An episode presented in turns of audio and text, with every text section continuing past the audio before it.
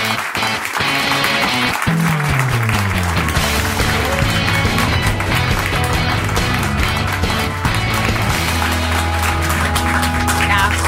goedenavond. Dit is half acht. Met vandaag. Kapperami knipt gratis daklozen door het hele land. Diana Kuip over de kansen van Oranje tegen de Verenigde Staten.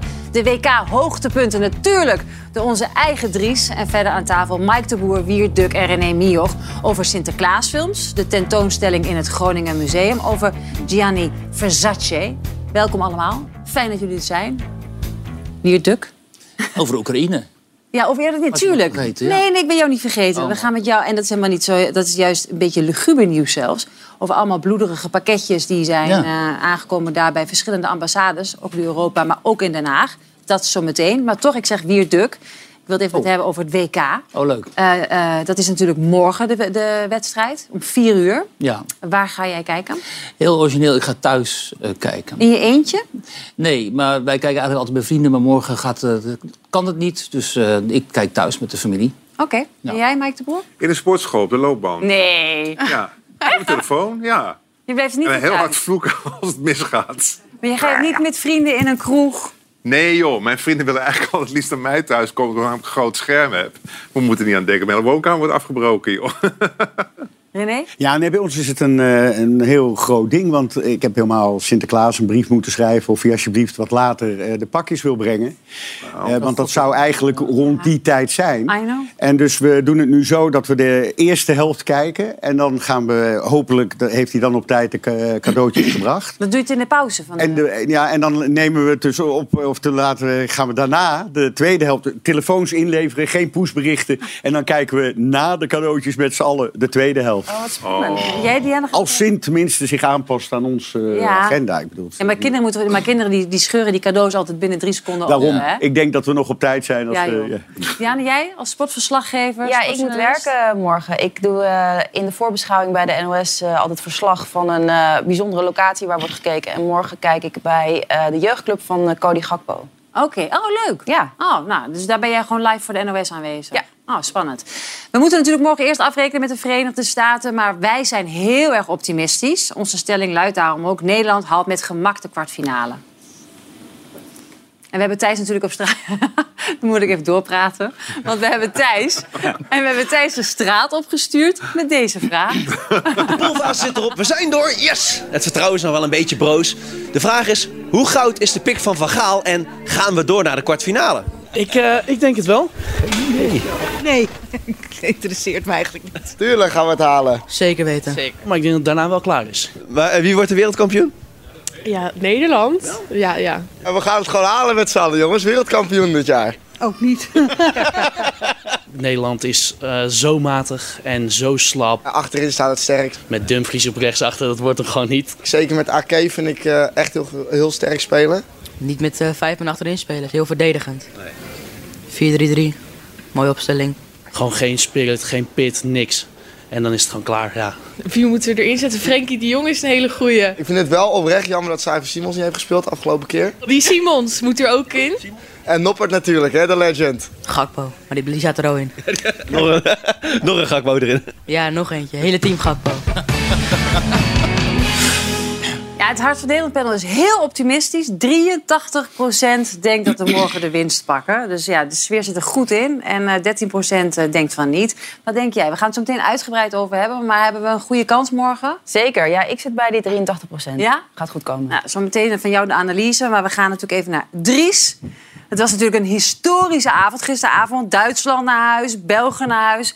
Ik neem aan dat het vandaag allemaal nog een beetje naast zitterde en zudderde daar. Ja, wat je eigenlijk ziet is dat dit toernooi, dit WK, ontpopt zich eigenlijk als een van de spannendste toernooien ooit.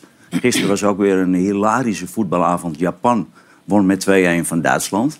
Nou, toen ze dus vorige week eh, van Duitsland wonnen, toen zag je eigenlijk dat ze heel ingetogen juichten. Maar gisteren explodeerde de boel in Tokio. Dit is het drukste kruispunt ter wereld in Tokio. En dit, onze Belgen, die vlogen er gisteren ook uit. Ja. En die spits van hun, eh, Lukaku, die kon het niet verwerken. En die liep het veld af en die deed dit toen hij het veld afliep. Paf. Zo. En ook echt kapot, hè, meteen. Het, eh, Ja. Nou ja, en dan de Duitsers. Die hadden natuurlijk vorige week zo'n statement gemaakt... met die handen voor de mond van... eh, we laten ons niet de mond snoeren. Maar dit was gisteren de reactie van de Qatarezen... toen Duitsland werd uitgeschakeld. Oh, wat slecht. Ja. Ja, dankjewel Dries. Ja, als je wilt Ja. deugen moet je wel winnen, hè? Wat zeg je? Als je wilt deugen, dan moet je wel winnen natuurlijk. Anders krijg je dit soort dingen. We gaan, eh, we gaan naar eh, Noah. Eh, die, staat, die is natuurlijk in Qatar. Eh 30 graden is het daar, Noah. Maar onze spelers lopen daar toch enigszins met een snotneus rond. Eh, moeten wij ons zorgen gaan maken? Eh, ja, dat klinkt natuurlijk wel gek als je zegt 30 graden hier buiten en dan een snotneus. Maar kijk, als je de persconferentieruimte inkomt, een hotellobby, al kom je het stadion in, dan staat de airco hier echt op standje vrieskou. Dus dat is wel logisch. Er werd eerst gesproken over griepverschijnselen binnen de selectie. Nou, volgens de perschef van Oranje valt dat wel mee. Gewoon een paar uh, snotneuzen, inderdaad, verkoudheidsklachten. Dus ik denk eh, dat het gewoon allemaal goed moet komen. We waren vanmiddag bij de training en daar stonden alle 26 selectiespelers gewoon op het veld. Het is heel moeilijk om daar antwoord op te geven, want uh, uh, de eerste is altijd de zwaarste. En Amerika of USA heeft laten zien uh, dat ze een heel goed team hebben. ik denk zelfs een van de beste teams die op elkaar afgestemd is. Ja, dat zal een lastige wedstrijd worden. Maar niet onoverkomelijk. Wij hebben ook een, een goed team, althans, dat vind ik. Meloa, wat denk jij morgen van de wedstrijd, morgenavond? Nou ja, dat was inderdaad uh, Louis Vergaal over de tegenstander Amerika. Ja, Amerika is een hele jonge, fitte, energieke ploeg. Daarmee ook best wel een uh, onervaren ploeg in vergelijking met Nederland. Maar ik sprak vanmiddag een Amerikaanse journalist en die zei... ja, Amerika gaat gewoon spelen alsof ze ook niks te verliezen hebben. Dus ik denk dat het uh, zeker een leuke wedstrijd gaat worden hier in het Khalifa International Stadium waar ik voor sta. Maar ik hoop natuurlijk en ik ga er ook vanuit dat Nederland gewoon doorgaat naar de kwartfinale. Ja, spannende dag morgenmiddag om 4 uur. Dankjewel, Noah. Ik zie jou en spreek jou sowieso volgende week. Succes daar. Ja, hier aan tafel, Diana. Um, ze gaan dus bevlogen en, en onbevreesd spelen. Denken de Amerikanen eigenlijk zelf uh, dat ze een goede kans maken tegen Nederland? Nou, ze zijn uh, realistisch, dat wel. En ook de Amerikaanse jongens zelf zijn onder de indruk van onze spelers. Kijk, zij zijn sowieso de underdog. Um, wij hebben op papier betere spelers. Maar wat Louis van Gaal daar inderdaad zegt... zij zijn als team misschien wel een van de betere... qua op hoe ze op elkaar ingespeeld zijn. En dat gaat hun sterke kracht zijn. Het zijn jonge spelers, um, energiek, uh, fit ook. Dus daar moeten ze het eigenlijk van hebben. Ze hebben een paar hele opvallende... Nou, hele opvallende. Ze hebben eigenlijk één sterk spe sterspeler, Pulisic. Dat is een uh, speler, ook jong, 24, die speelt voor Chelsea. En hij is eigenlijk het, het gevaarlijkste. Dus alles wat Amerika doet waar het gevaarlijk wordt, is hij betrokken. Zijn middenvelder. Uh, hij scoorde ook de winnende tegen Iran. Dus hij is eigenlijk het gevaarlijkst. Maar hoe is het met zijn blessure? Want hij had toch een beetje pijn ook van deze trap? Klopt, ja. ja, ja. Ze, ze zeiden vandaag dat hij waarschijnlijk mee gaat uh, spelen. Maar dus, waarschijnlijk, dat is nog niet zeker. Nee, het was niet 100% zeker. Maar ik denk dat ze gewoon een beetje een rookgordijn willen ophouden. Volgens mij doet hij gewoon mee, want hij was, was wel bij de training. En hoe zit het met de Nederlandse sportjournalisten? Kijk, ik ben helemaal buitenstaander. Hè? Ik ben helemaal niet, ik zit niet helemaal in die voetballerij. En het is ook niet per se mijn passie. Ik ben echt zo'n, ja, als het eenmaal aanbreekt, ga ik ook kijken. Mhm. Mm -hmm. Maar nu zit ik als buitenstaander een beetje te kijken naar al die journalisten die dan zo'n analyse doen naar een wedstrijd. Nu met deze groepsfase dacht ik, jeetje Mina, wat waar, was iedereen negatief over Ja. het Nederlands elftal? Dat, dat is typisch Nederlands eigenlijk. Was grappig, want dat werd, dat werd ook aan de Amerikaanse bondscoach gevraagd. Die ook trouwens een Nederlands verleden heeft. Eh, die heeft hier in Nederland gespeeld. Maar die, eh, die zei ook van ja, dat is zo typisch Nederlands. Die 17 miljoen bondscoaches, zei hij letterlijk. eh, dat ze zo aan het mopperen zijn. Want in principe doet Nederland het prima. Heeft helemaal nog niet verloren. Ja, maar ja, het is toch wel terecht. Nederland heeft een enorme voetbaltraditie met mooi voetbal, aanvallend voetbal. 4-3-3-systeem, hè. Valentin Driessen, Ja, mijn maar collega de Graaf noemt het ook altijd. Hoe En lang geleden het ziet is er nu dat? niet uit. Ja, maar het ziet er nu al drie wedstrijden totaal niet uit. Ja, maar wa- je hebt het over de, die voetbaltraditie. Maar wanneer waren we nou nog zo mooi en aanvallend? Nou, nog in 98. Nou, zo, hè. Ja, Ze zien we niet zo vaak mee. Generatiekloof, ja. Maar, eh, Nee, maar even serieus. Dat nee, is het is Nederlands voetbal. Ik ben het met je eens. Het is niet genieten, maar het is wel resultaatgericht. Ja, maar eh, kijk, dit is een van de saaiste elftallen van het toernooi. Er zit geen ziel in, er zit geen beleving in, het is traag. Ik bedoel, het, het ziet er niet uit gewoon. Zullen we even kijken hoe positief de Amerikaanse analisten zijn eh, van, over Nederland? As far as the Dutch, yeah, I mean, listen, unbeaten now in 18 games. Uh, they haven't lost since Louis Van Gaal returned to the bench. It is a very good team. It's going to be a tall order for the United States for sure. However, the Netherlands, much like the U.S., failed to qualify for the last World Cup. They can shock people and beat Netherlands. I'm not necessarily predicting it, but it's not insane to think of. I like it. You're going to have to deal with Virgil van Dijk, the Liverpool defender. But aside, it, it, it's a doable contest. All right.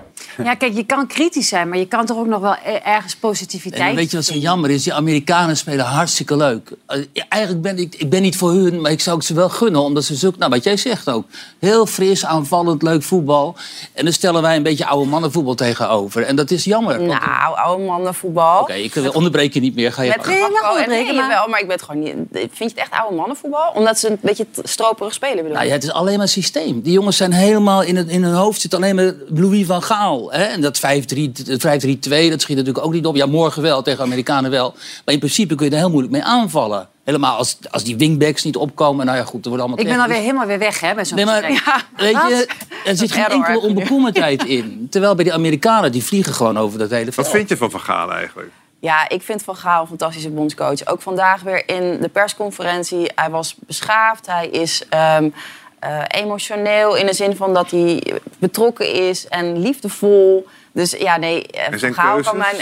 Nou ja, da- daar durf ik al helemaal niks over te zeggen. Want ik, ik weet in ieder geval dat Van, van Gaal heeft gewoon een plan A, een plan B en een plan C. Dus ik vind het altijd zo, als ik denk van wie ik dan commentaar zie geven over dat hij dus eigenlijk die en die had moeten opstellen. Dan denk ik, ja, wie- oké, wie train jij nou, weet je wel? Dus nee, aan Van Gaal gaat het in ieder geval niet liggen. Mariana. Maar ik denk wel, ja. we Memphis zeggen dat hij het liefst met Bergwijn in de spits speelt. Denk je nou dat Van Gaal daarna gaat luisteren?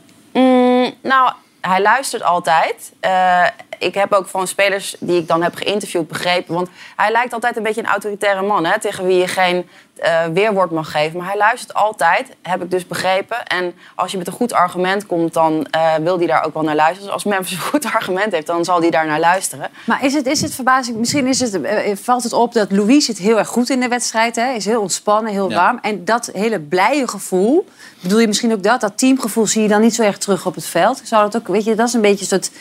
Toch, het is een Ja. beetje gek. Want ik, je hebt wel het gevoel, namelijk, volgens mij zijn ze echt een team. Familieleden zijn erbij, de kinderen zijn er. Er is volgens mij een goede sfeer. Er is zeker een goede sfeer. In dit team. Ja, kijk, ehm, er wordt gewoon redelijk zakelijk gespeeld. Eh, wat, wat Louis van Gaal ook zei, is dat bij sommigen het shirt nogal zwaar woog. Dat moet je ook niet vergeten. Een WK, dat is zo'n ehm bruut podium eh, waar zoveel druk op ligt. Ja. Dat is ook gewoon heftig voor sommige jongens, hebben daar gewoon moeite mee. Hoe lang speelt dit team al samen eigenlijk? Nou, in deze samenstelling nog, niet- ja, dat, hij- dat wisselt natuurlijk altijd. En eh, als je in ziet principe uit de tijd van Koeman. Hè? Alleen een andere tactiek nu, maar deze spelers spelen al sinds Koeman met elkaar samen. Mm, Nou, nee toch? Ja, toch? Nou, ja, mij heb je niks in dit gesprek. Dus ik ben zo... Maar wat ja, ik... maar wat, ik Diana wil vragen, misschien... Wat, kijk, Van Gaal die zegt de hele tijd, daar kletsen wij een beetje overheen... dat een aantal spelers gewoon niet wedstrijdfit was toen ze daar kwamen. En dat ze dat moeten opbouwen. En wij denken waarschijnlijk van, ja, dat is flauwekul. Maar het kan best wel belangrijk zijn. Dat die jongens inderdaad niet op hun top zaten... en dat ze nu morgen inmiddels daar wel Nou, zijn dat denk ik sowieso. Dus eh, sowieso is het ja, bij Nederland gebleken dat wij heel waardeloos eh, een, eh, een poolfase kunnen spelen. Dat, dat was in het laatste WK ook zo. In Gewoon op 2000, ja, 2014 toen hadden we alleen de openingswedstrijd tegen Spanje heel mooi. En daarna was het ook matig. 2010 zelfde verhaal, allemaal een beetje een matige wedstrijd. Dus dat, dat in het toernooi groeien is gewoon een gegeven. Ja. En dat ga, ik denk, ga je denk ik morgen ook zien. Dat zei Atemos ook toen hij hier te gast was. Hij zei, weet je, ik kan echt WK's aanhalen... waarin de groepsfase echt iedereen zei... Oh, dit team, dit team, echt niet Ja. vooruit te branden. Ik zou en er niet eentje weten waar, waar dit niet zo was. Ja, en 74. gisteren... Ja, 74. Ook nog zo pas geleden, hè, wie het. Ja. Ehm, deze week ook zat ik te kijken naar Sieg. Die, zullen we even kijken naar die goal die hij maakte? Hoe fantastisch die was? Ja. Kijk, die zie je hier. Ik moest van mijn man eindeloos deze goal opnieuw zien. Hij zegt dat voetje, dat voetje. Heerlijk, hè? Wat heerlijk. Hij zegt, Leonie, dit is, hij zei ook thuis, het is prachtig. En toen zeiden we dus ook op de bank... jammer dat hij toch niet uitkomt voor het Nederlands elftal. Ja, Waarom is dat? Nou, kijk, je moet eh, op een gegeven moment een keuze maken. Als je namelijk één keer officieel bent uitgekomen voor een land... eh Zieg heeft twee paspoorten, ehm, dus die mag, die mag inderdaad kiezen... dan mag je niet meer terug Eh, dan mag je niet nog naar een ander land. En hij heeft op een gegeven moment gewoon voor Marokko gekozen. En dat was inderdaad nog kantje boord. Want Guus Hiddink wilde hem ooit oproepen in 2015, geloof ik, of 2014. Toen had hij een enkel blessure, dus dat ging niet door. En daarna heeft eh, Danny Blind hem nooit meer opgeroepen. En toen heeft hij dus zelf toegegeven, dat was een beetje eerzucht... dat hij zei, nou ja, dan ga ik wel voor Marokko. En dus dat is voor ons heel jammer, want dat had natuurlijk een fantastische speler voor ons geweest. Dat is trouwens ook, overigens ook morgen eh, het geval. Er zit ook een Nederlandse jongen in Amerika, in het Amerikaanse team. Dest. Dat is Sergi- Serginho Dest, inderdaad. Die is gewoon opgegroeid in Almere. Is gewoon een Nederlandse eh, jongen. Heeft lang bij Ajax gespeeld. Toen naar Barcelona en is nu verhuurd naar AC Milan. Maar dat is gewoon een Nederlandse jongen die ook heeft gekozen om voor Amerika uit te, ko- eh, te komen. Dus, dus als ik goed begrijp, als ze eerder eh, aan Ziyech hadden zitten trekken... en het gewoon serieus hadden genomen en dus niet hadden liggen snurken... hadden wij nu gewoon Ja, Ziyech in dat het is team. precies hoe het werkt. Als je slim bent, dan zorg je dat je gewoon scouts hebt... en dat je dus inderdaad al een beetje gaat trekken. Want dat heeft dus de bondscoach van Amerika, die dus morgen ook bondscoach is... heeft dat heel goed met Des gedaan. Die heeft hem veel vertrouwen gegeven. En dat is natuurlijk ook nog zo...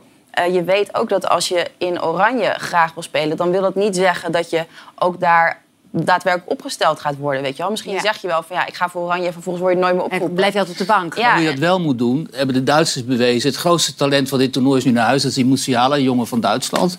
Die is, ehm, en op zijn zeventiende, die kon ook voor allerlei andere nationaliteiten. Want die heeft drie, vier nationaliteiten of zo. Toen is die Joachim Leuf, die toen eh, bondscoach was, die op- toen die jongen 17 was in Bayern, is hij naar hem toegegaan. Heeft hem over, eh, overgehaald om voor het Duitse team te gaan spelen. En dat was dus heel slim, want die jongen is nu gewoon het grootste talent in Europa, zo ongeveer. Hè. Dus ja, zo moet je het doen. En dat is met Ziyech toen helaas niet gebeurd. Ja. Maar goed, hij doet nu hele mooie dingen voor Marokko. Dus voor Marokko is het eigenlijk eh, indirect goed nieuws. Morgen om vier uur dan is eh, de wedstrijd. Laten we hopen dat we die eh, winnen en dat we doorgaan natuurlijk. Want nu Wil begint... Dries niet nog wel zeggen? Heb jij helemaal niks toe te voegen? Nee, Dries heeft niks te zeggen bij Oh, die heeft niks, jij Nee. gaat naar de Niks meer toe te voegen. Dries, Oh, nee, dus- Morgen moet het gebeuren. En morgen wordt opeens de sfeer in Nederland anders. Dan gaat de oranje Denk je? aan. Ik denk dat we binnen 20 minuten 1-0 voorkomen. En dan moet het gebeuren. Staat hier op tafel. Het orakel Dries, hè? Nou. Ja. Ehm Wiert, het nieuws van vandaag. Eh Dries heeft niks. luguber nieuws. Bloederige pakketten met dierenogen werden op Oekraïnse ambassade in eh, Den Haag en andere Europese steden bezorgd. Ja, bah. Wat zit hierachter, denk jij? Ja, dat, nou ja, dat weten we dus niet. Eh, maar logisch zou dit kunnen zijn een poging om, eh, van tot in- intimidatie. Ehm, wat op zichzelf dan wel weer een hele rare poging is. Want wie stuurt nou dit soort pakketten naar de Oekraïnse ambassade? Die, ik bedoel, die Oekraïners zullen niet van onder de indruk zijn. Die zullen hoogstens denken, wat is dit voor smerigheid? Maar het is wel waarschijnlijk eh, ja, in die propagandaoorlog die woedt rond Oekraïne... ja, ook een elementje erin. En ehm, ja, misschien is het ook wel bedoeld om die westerse landen, West-Europa, een beetje af te schrikken. Omdat wij geven tot nog toe natuurlijk onvoorwaardelijk steun aan Oekraïne. Maar dat begint toch ook wel een beetje te, ja, te knarsen omdat onze bevolkingen daaronder lijden. Hè. De energieprijs is enorm omhoog gegaan en zo, en ook anderszins.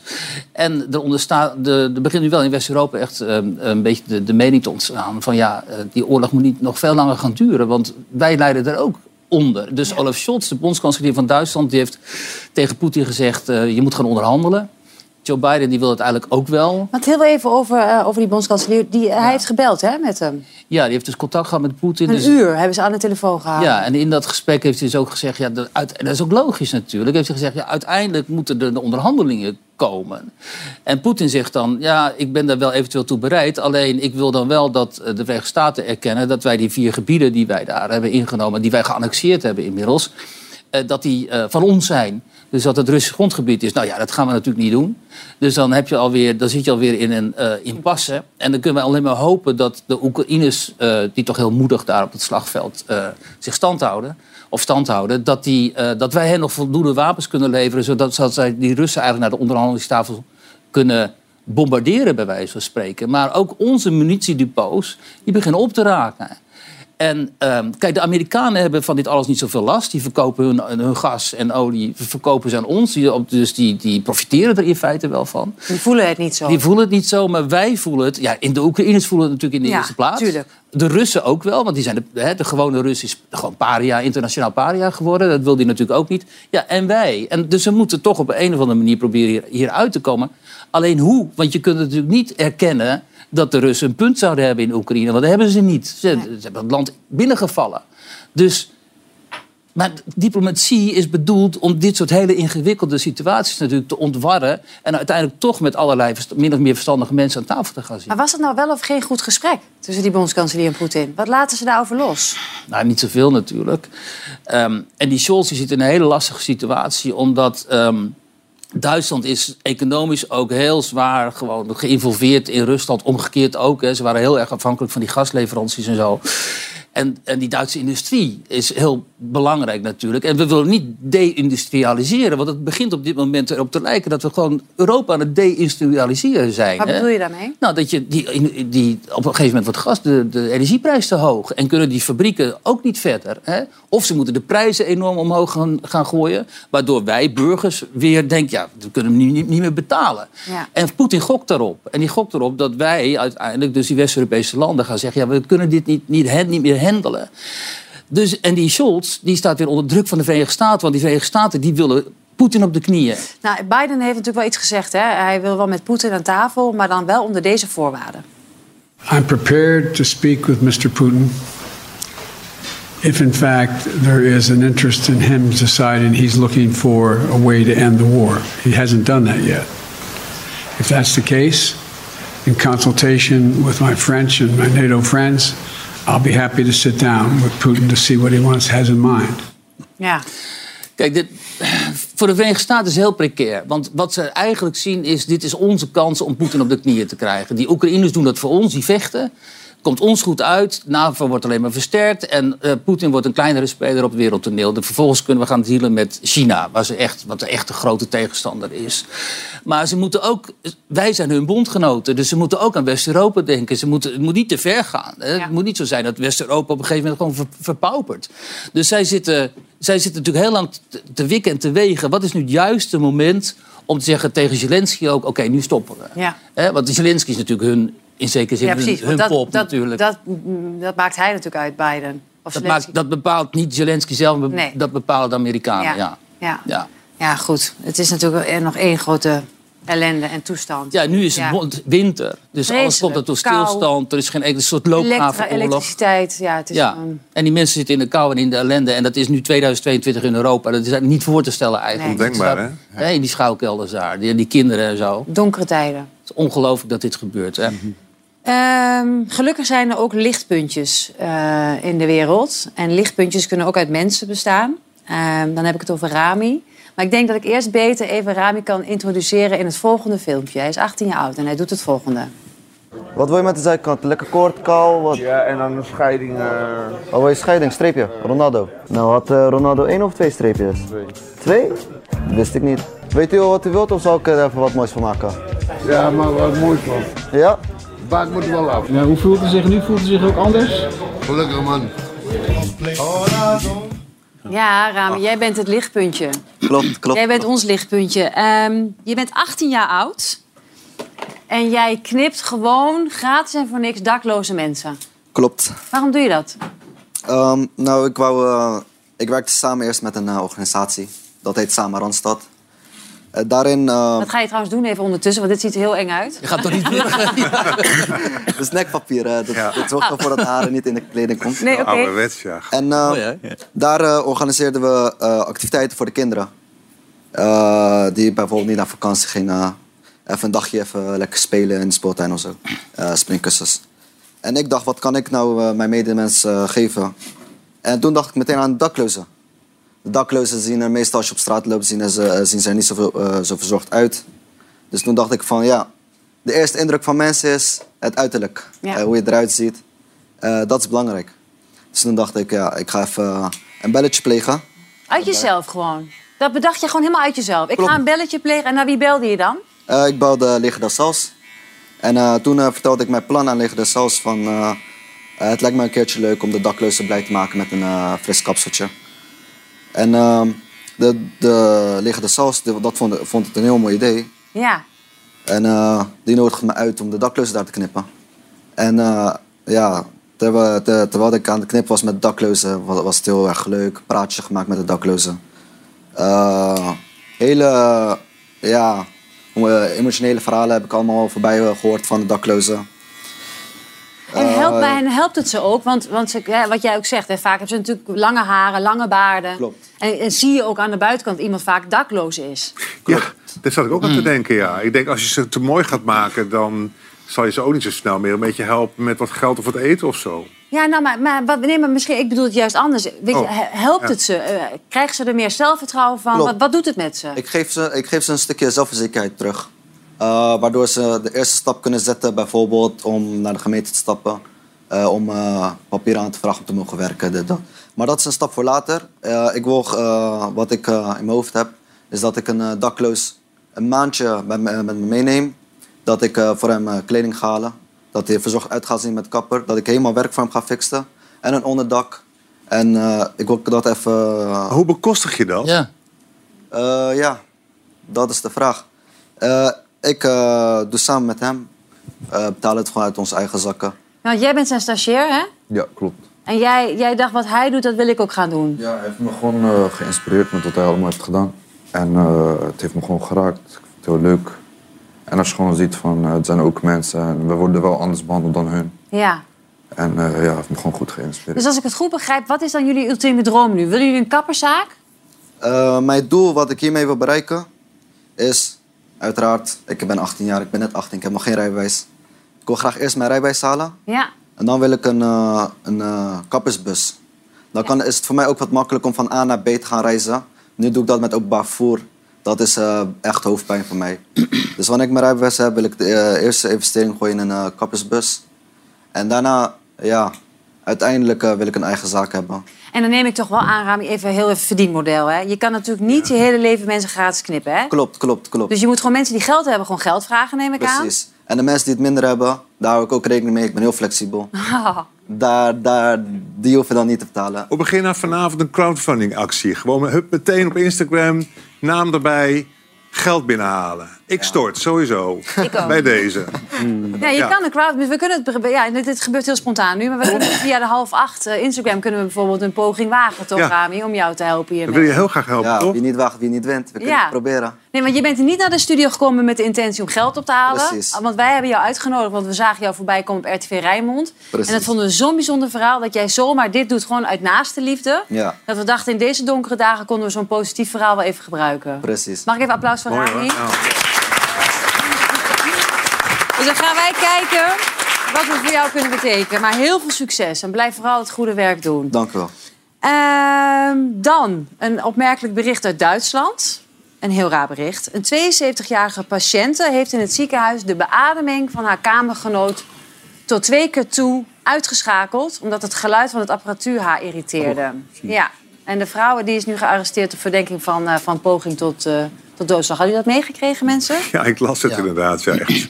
Waar gaat het over? Heb jij ooit zoiets meegemaakt, Diana? Nee, als in... Er is... Nooit aan de beademing Nee, ja, jij had een heel raar ziekenhuisverhaal. Had ik een raar Ja, kreeg ik in mijn oor. Nou, ik... Nee, ik, nou, ik kan er wel op plek... In je oor. Nee, ik, zei- ik, ik, ik vertelde dat ik, eh, als ik gestoord word in mijn slaap... Oh ja, ik, Zij was die vrouw aan de ja, ik ben het dus, ja. ik moet bekennen. Nee, maar ik, eh, ze vroegen me, kan je dat bij voorstellen? Nou, niet bij mensen, maar ik kan me wel voorstellen. Want ik, eh, ik, ik woon ergens waar nu verbouwd wordt. En er is een pomp die dat aan- en uitslaat. Op een gegeven moment werd ik wel een beetje agressief. Toen heb ik nagedacht over of er een optie was om hem te demonteren ergens stiekem.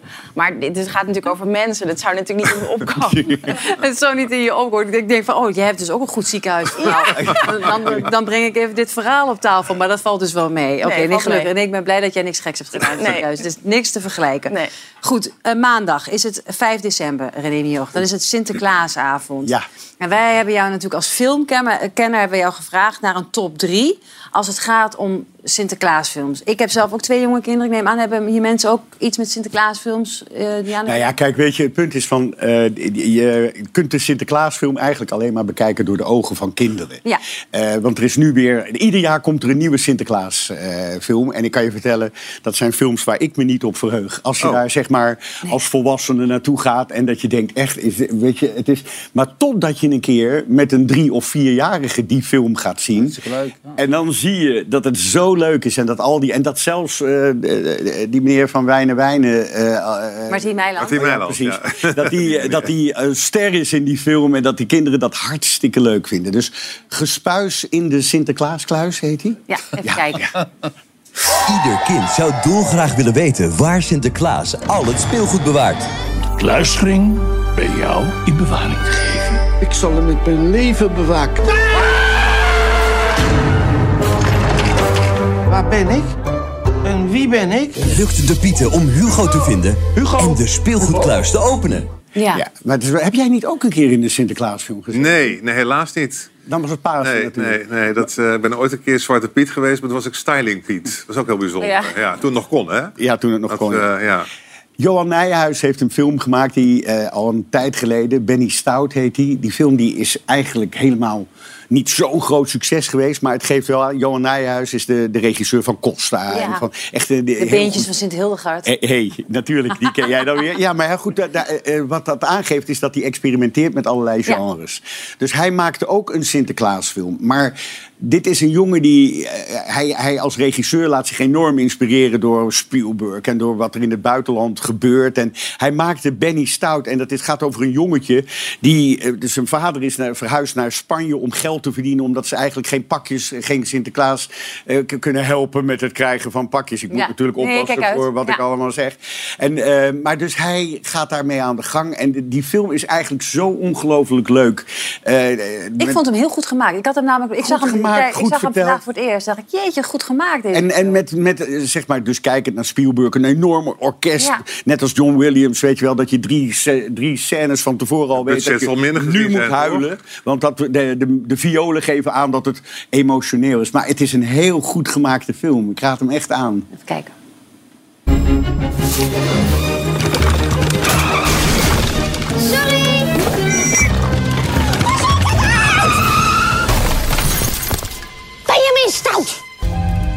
Daar kan Sint-Nicolaas niet voor zorgen, Benjamin. Papa die komt terug als hij klaar is met werken. Ik wil dat hij nu terugkomt. Stoute kinderen gaan naar Spanje. Wij komen een stout kind ophalen, juffrouw. Ik stuur nog wel een kaartje. En de enige echte Sinterklaas zit erin eh, die heel erg lijkt op Bram van de Vlucht, zeg maar.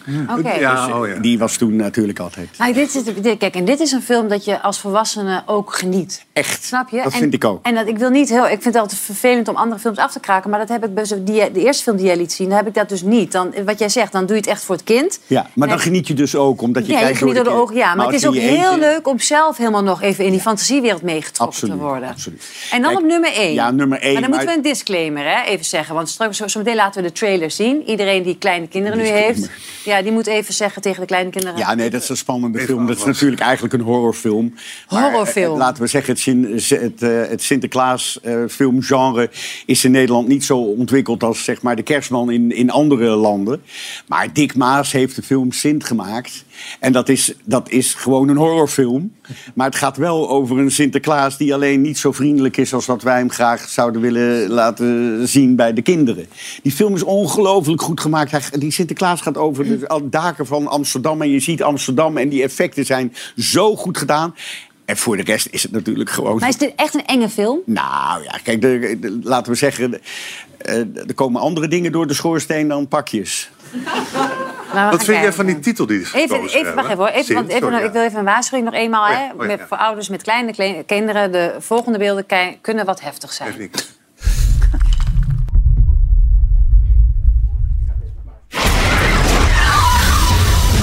We moeten wat doen als politie. Wij zijn er om de burgers te beschermen. Verbod op alle Sinterklaasactiviteiten. Iedereen denkt dat hij jarig is, maar hij is gestorven op 5 december. Hij is gruwelijk vermoord en nu komt hij terug om wraak te nemen.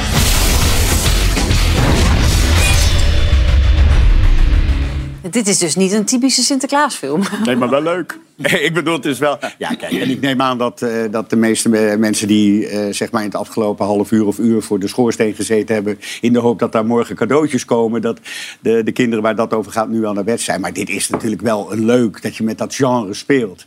En, en, en, en eh, zegt Sinterklaas lijkt ook heel erg op... op eh, ja, heeft iets weg van Huub Stapel op de een of andere manier. Ja, dat viel me ook op. Ja, wat, Oh, wat, ook, waren ja. destijds uiteindelijk de reacties van het publiek die dit zag? Vonden zij dat ook zo? Te horror of te, te eng voor kinderen? Nou, het is altijd lastig bij een horrorgenre, want je hebt natuurlijk enorme voorstanders en tegenstanders. Als Ja. je er niet tegen kan, vind je dit gewoon nooit een leuke film. Ik ben zelf helemaal niet zo'n horror-fanaticus, maar ik vond dit wel erg goed. Maar het is ook wel een originele manier natuurlijk Ja, van dat vind ik wel, Sinterklaas. Waar ik nog even over wil hebben tot slot. Harry en Meghan. Want er is eh, goed nieuws voor mensen die smullen van het eh, Britse Koningshuis. Want volgende week verschijnt dan eindelijk de Netflix-documentaire van Harry en Meghan. No one sees what's happening behind the closed doors.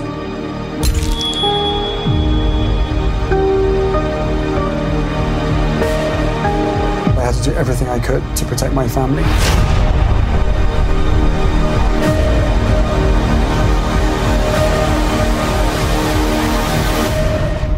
When the stakes are this high, doesn't it make more sense to hear our story from us?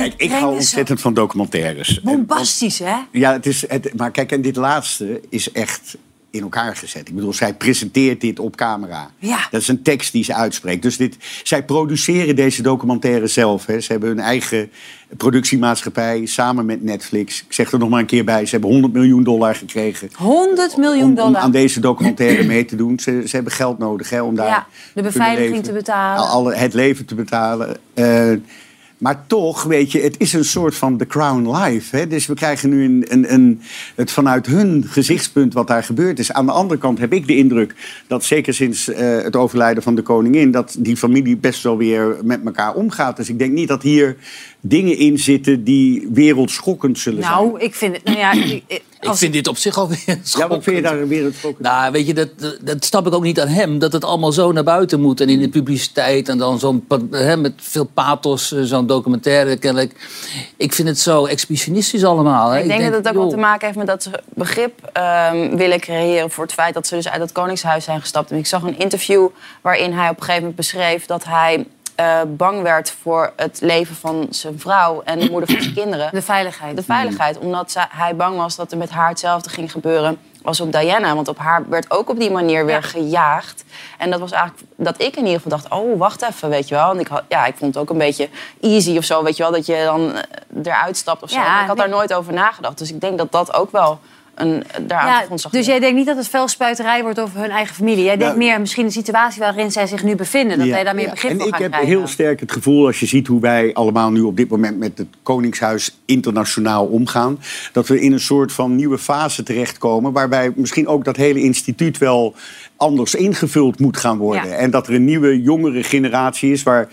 Eh, onze koning ook toe behoort, die misschien en die ook ziet wat er nu met zijn dochter gebeurt in deze wereld, waarbij je misschien af kunt vragen of dit instituut nog wel op deze manier zo moet gaan en, en dat dat misschien anders En kan. rendabel is. En dus moeten we ook zien wat het eigenlijk betekent om prinsje en prinsesje te zijn. Anders dan als je een mooie jurk aantrekt. En Het is een ronkende trailer en het nodigt alleen maar uit om te gaan kijken. En ik geloof, maar dat zeg ik nu uit mijn hoofd, dat die 8 december te zien is. Maar dat weet ik dus niet helemaal zeker. Dit is echt voor mij even nu nat vingerwerk. En is in je oor dan? Nee, ook niet. Dat hoor ik niet in mijn oor. Maar, eh, we kunnen het verifiëren. En na de reclame dan zal ik zeggen of ik het bij het rechte eind had. Of dat ik terug moet komen op mijn schreden. Terug, eh, straks dan gaat Mike de Boeren helemaal los over de beroemde ontwerper Versace. Tot zo.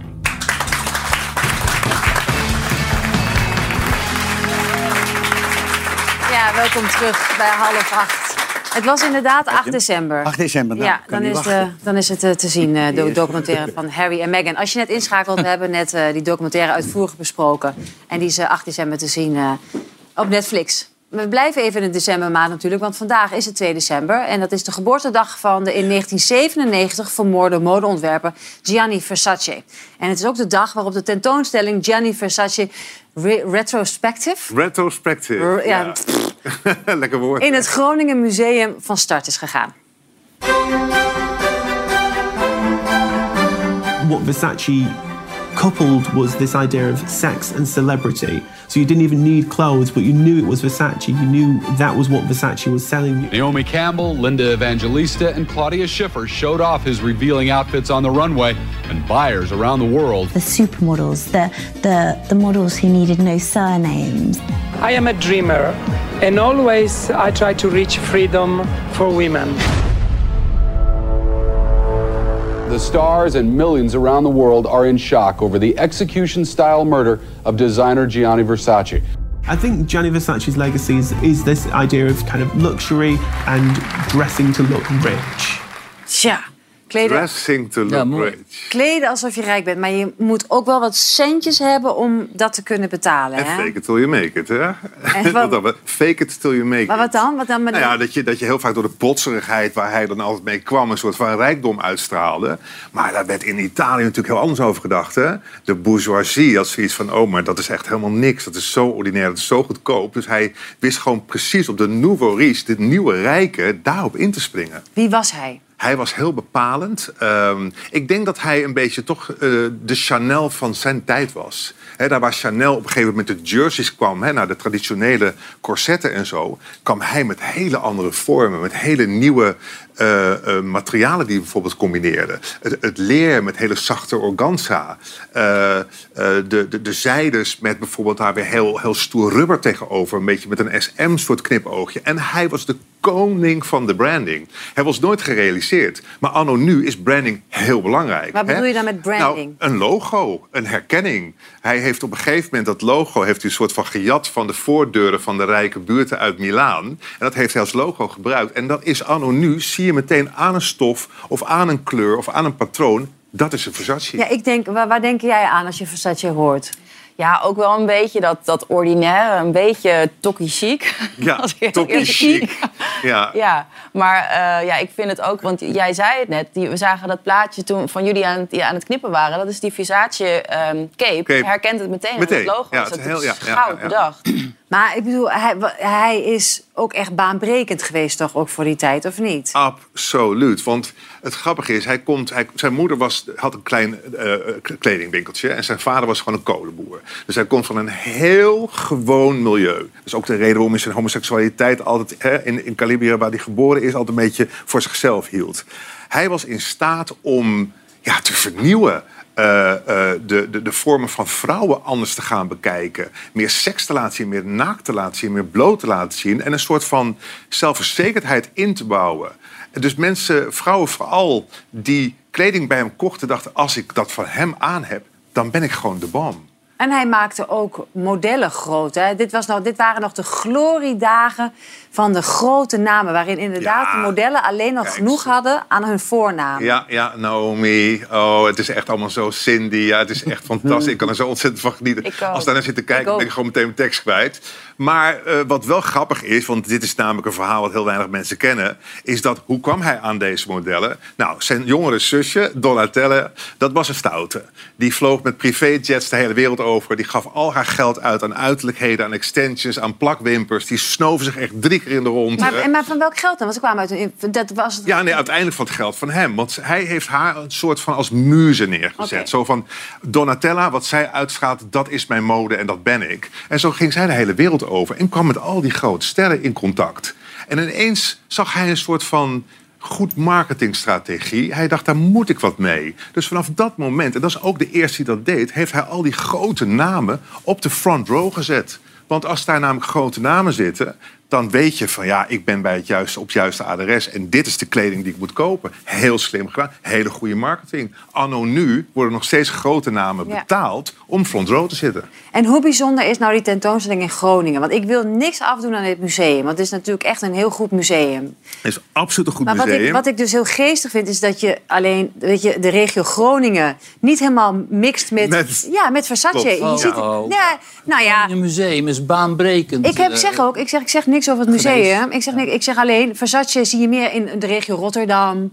Weet je wel, het, is- het- snap je wat ik bedoel? Ja, maar Ja. één één ding dan. Één ding heel dan. veel voor Het Groningen. Museum, het Groningen Museum is, ge- ge- is voortgekomen uit, ja, die, hè, uit de modewereld, uit de eh, toegepaste kunst. Eigenlijk veel meer dan uit de, de, de schil- het schilderen en het beeldhouden. En Frans Haks, die dat Groningen Museum destijds heeft Maar ik zeg ook, nee, maar, de- maar de- je, je begrijpt ja, dus extreem verkeerd. gefocust op deze manier van, van kunst en mode. Ik zeg helemaal niks over het museum, want ik weet hoe, hoe toonaangevend ze zijn. Ik vind het alleen heel grappig, de, de combinatie gewoon, waar ik ook vandaan Twente, Groningen. Het was gewoon meer... Ik voelde- Nuchter. Ja, het is, ik, meer, ik dacht gewoon zo Rotterdams. Weet je, je hebt een beetje dat Rotterdamse gevoel, vind ik altijd bij Je Versace, zou denken toch? met zo'n naam dat hij echt de grote steden doet. En dan is Groningen inderdaad best een hele leuke Ik weet hoe, keuze. wat voor modderpoel ik nou terecht ben gekomen door dit te zeggen. Want je krijgt echt...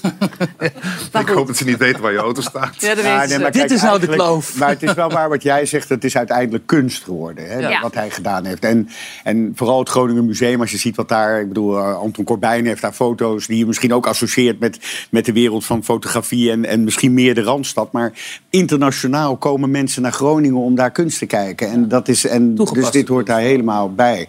Maar het is dus ook heel bijzonder toch, dat, want wat zij voor elkaar hebben gekregen aan, aan, de collectie van Versace is echt baanbrekend. Hè? Ze hebben de Klopt, volledige collectie van die man naar Groningen gekregen. Ja, ja het, is, het, is, het grappige is om te weten dat de familie dit nooit geautoriseerd heeft, de familie Versace.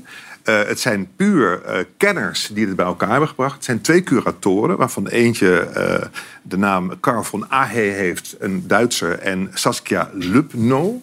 En zij hebben dat samengebracht. Ze hebben ook dat hele collectief hebben ze uit verzamelaarsplekken gehaald. Dus er komen bijvoorbeeld ook een aantal stukken uit het Museum of Modern Art. Ja, te er staan twee topstukken, die zijn echt fantastisch. Eh, de jurk die Diana aan had. Hè, eh, op de, de, de cover van, van Harper's Bazaar. Kijk, hoe prachtig. Ja, Ja. Dat, dit was dit. Hier, hier praat iedereen over. Want dit is namelijk de tijd dat zij juist heel erg probeert zelf weer terug te vechten. En te laten zien, dat kan ik. En dit bedoel ik een beetje met te zeggen... hij zorgde dat er kleding gedragen werd door vrouwen... Mooi, waardoor ze deze zelfverzekerdheid kregen. Maar hoe prachtig is zij ook hier? Ja, op zij is echt beautiful. En de jurk die we net al voorbij zagen kwamen- komen van Liz Hurley... eh, samen met Hugh Grant. Ja, daar werd ook over gesproken. Dat was natuurlijk ook meer Ja, bloot dan jurk. Met die gouden veiligheidsspel. Ja, nog steeds toch wat tijdloos in een. ja hè, op vind ik wel. Als je dit nu ziet, dan denk je... anno nu zou dat nog steeds een verrassende jurk op de rode loop kunnen zijn. Maar Nou, ik deze. in die tijd ook al filmprogramma's op de televisie. En toen had ik een stylist en die heeft mij ook een keer in een Versace be- overhemd gehezen. Ja. Kan je vertellen, ik heb me nog nooit zo ongelukkig gevoeld. Ja, het- Jack, Maar- Jack Spijkerman had ze ook op dat aan. Jeetje. Ja. ik ga mijn best doen om daar beeld van op te duiken. We hebben vandaag ons best gedaan, niet gelukt, maar dat gaat me nog lukken om jou in die Gianni Versace blouse dat was echt heel heftig. Eh, ik wil even zeggen naar iedereen die dit wil zien. Hè, eh, ga alsjeblieft naar het Groningen Museum. Want eh, ja, het, het is dus een, een, een, een ontzettende mooie tentoonstelling van deze hele collectie. Het is gelukkig een tijdje te zien, namelijk tot en met 7 mei. Dus je hebt de tijd Nee, maar het is om echt, echt de het moeite. van waard. heel dichtbij te zien. Ja, het is een En, en eh, alleen die twee jurken zijn in een glazen box. Maar de rest is allemaal van heel dichtbij te Ja, bekijken. geweldig. Maar je Dus mag voor de het niet modeliefhebbers, Je mag het niet aanraken, maar je kan echt alles heel goed bekijken. Niks ten Mooie, mooie nadele van de provincie Groningen. Ik draag alles buiten de Randstad een zeer warm hart Ik toe. ben wel hè. blij dat je Donatella niet laat zien, want jij wilde bij Sint de kinderen waarschuwen. Nou, dat moet je ook als je gaat kijken. Ik bedank al mijn gasten. Maandag zit Helene weer met Jack van Gelder, Margot Margot Ros en Helene van Rooyen. De werkweek zit erop. Wij gaan hier een biertje drinken en hopelijk loopt het niet zo uit de hand zoals op deze bedrijfsborrel.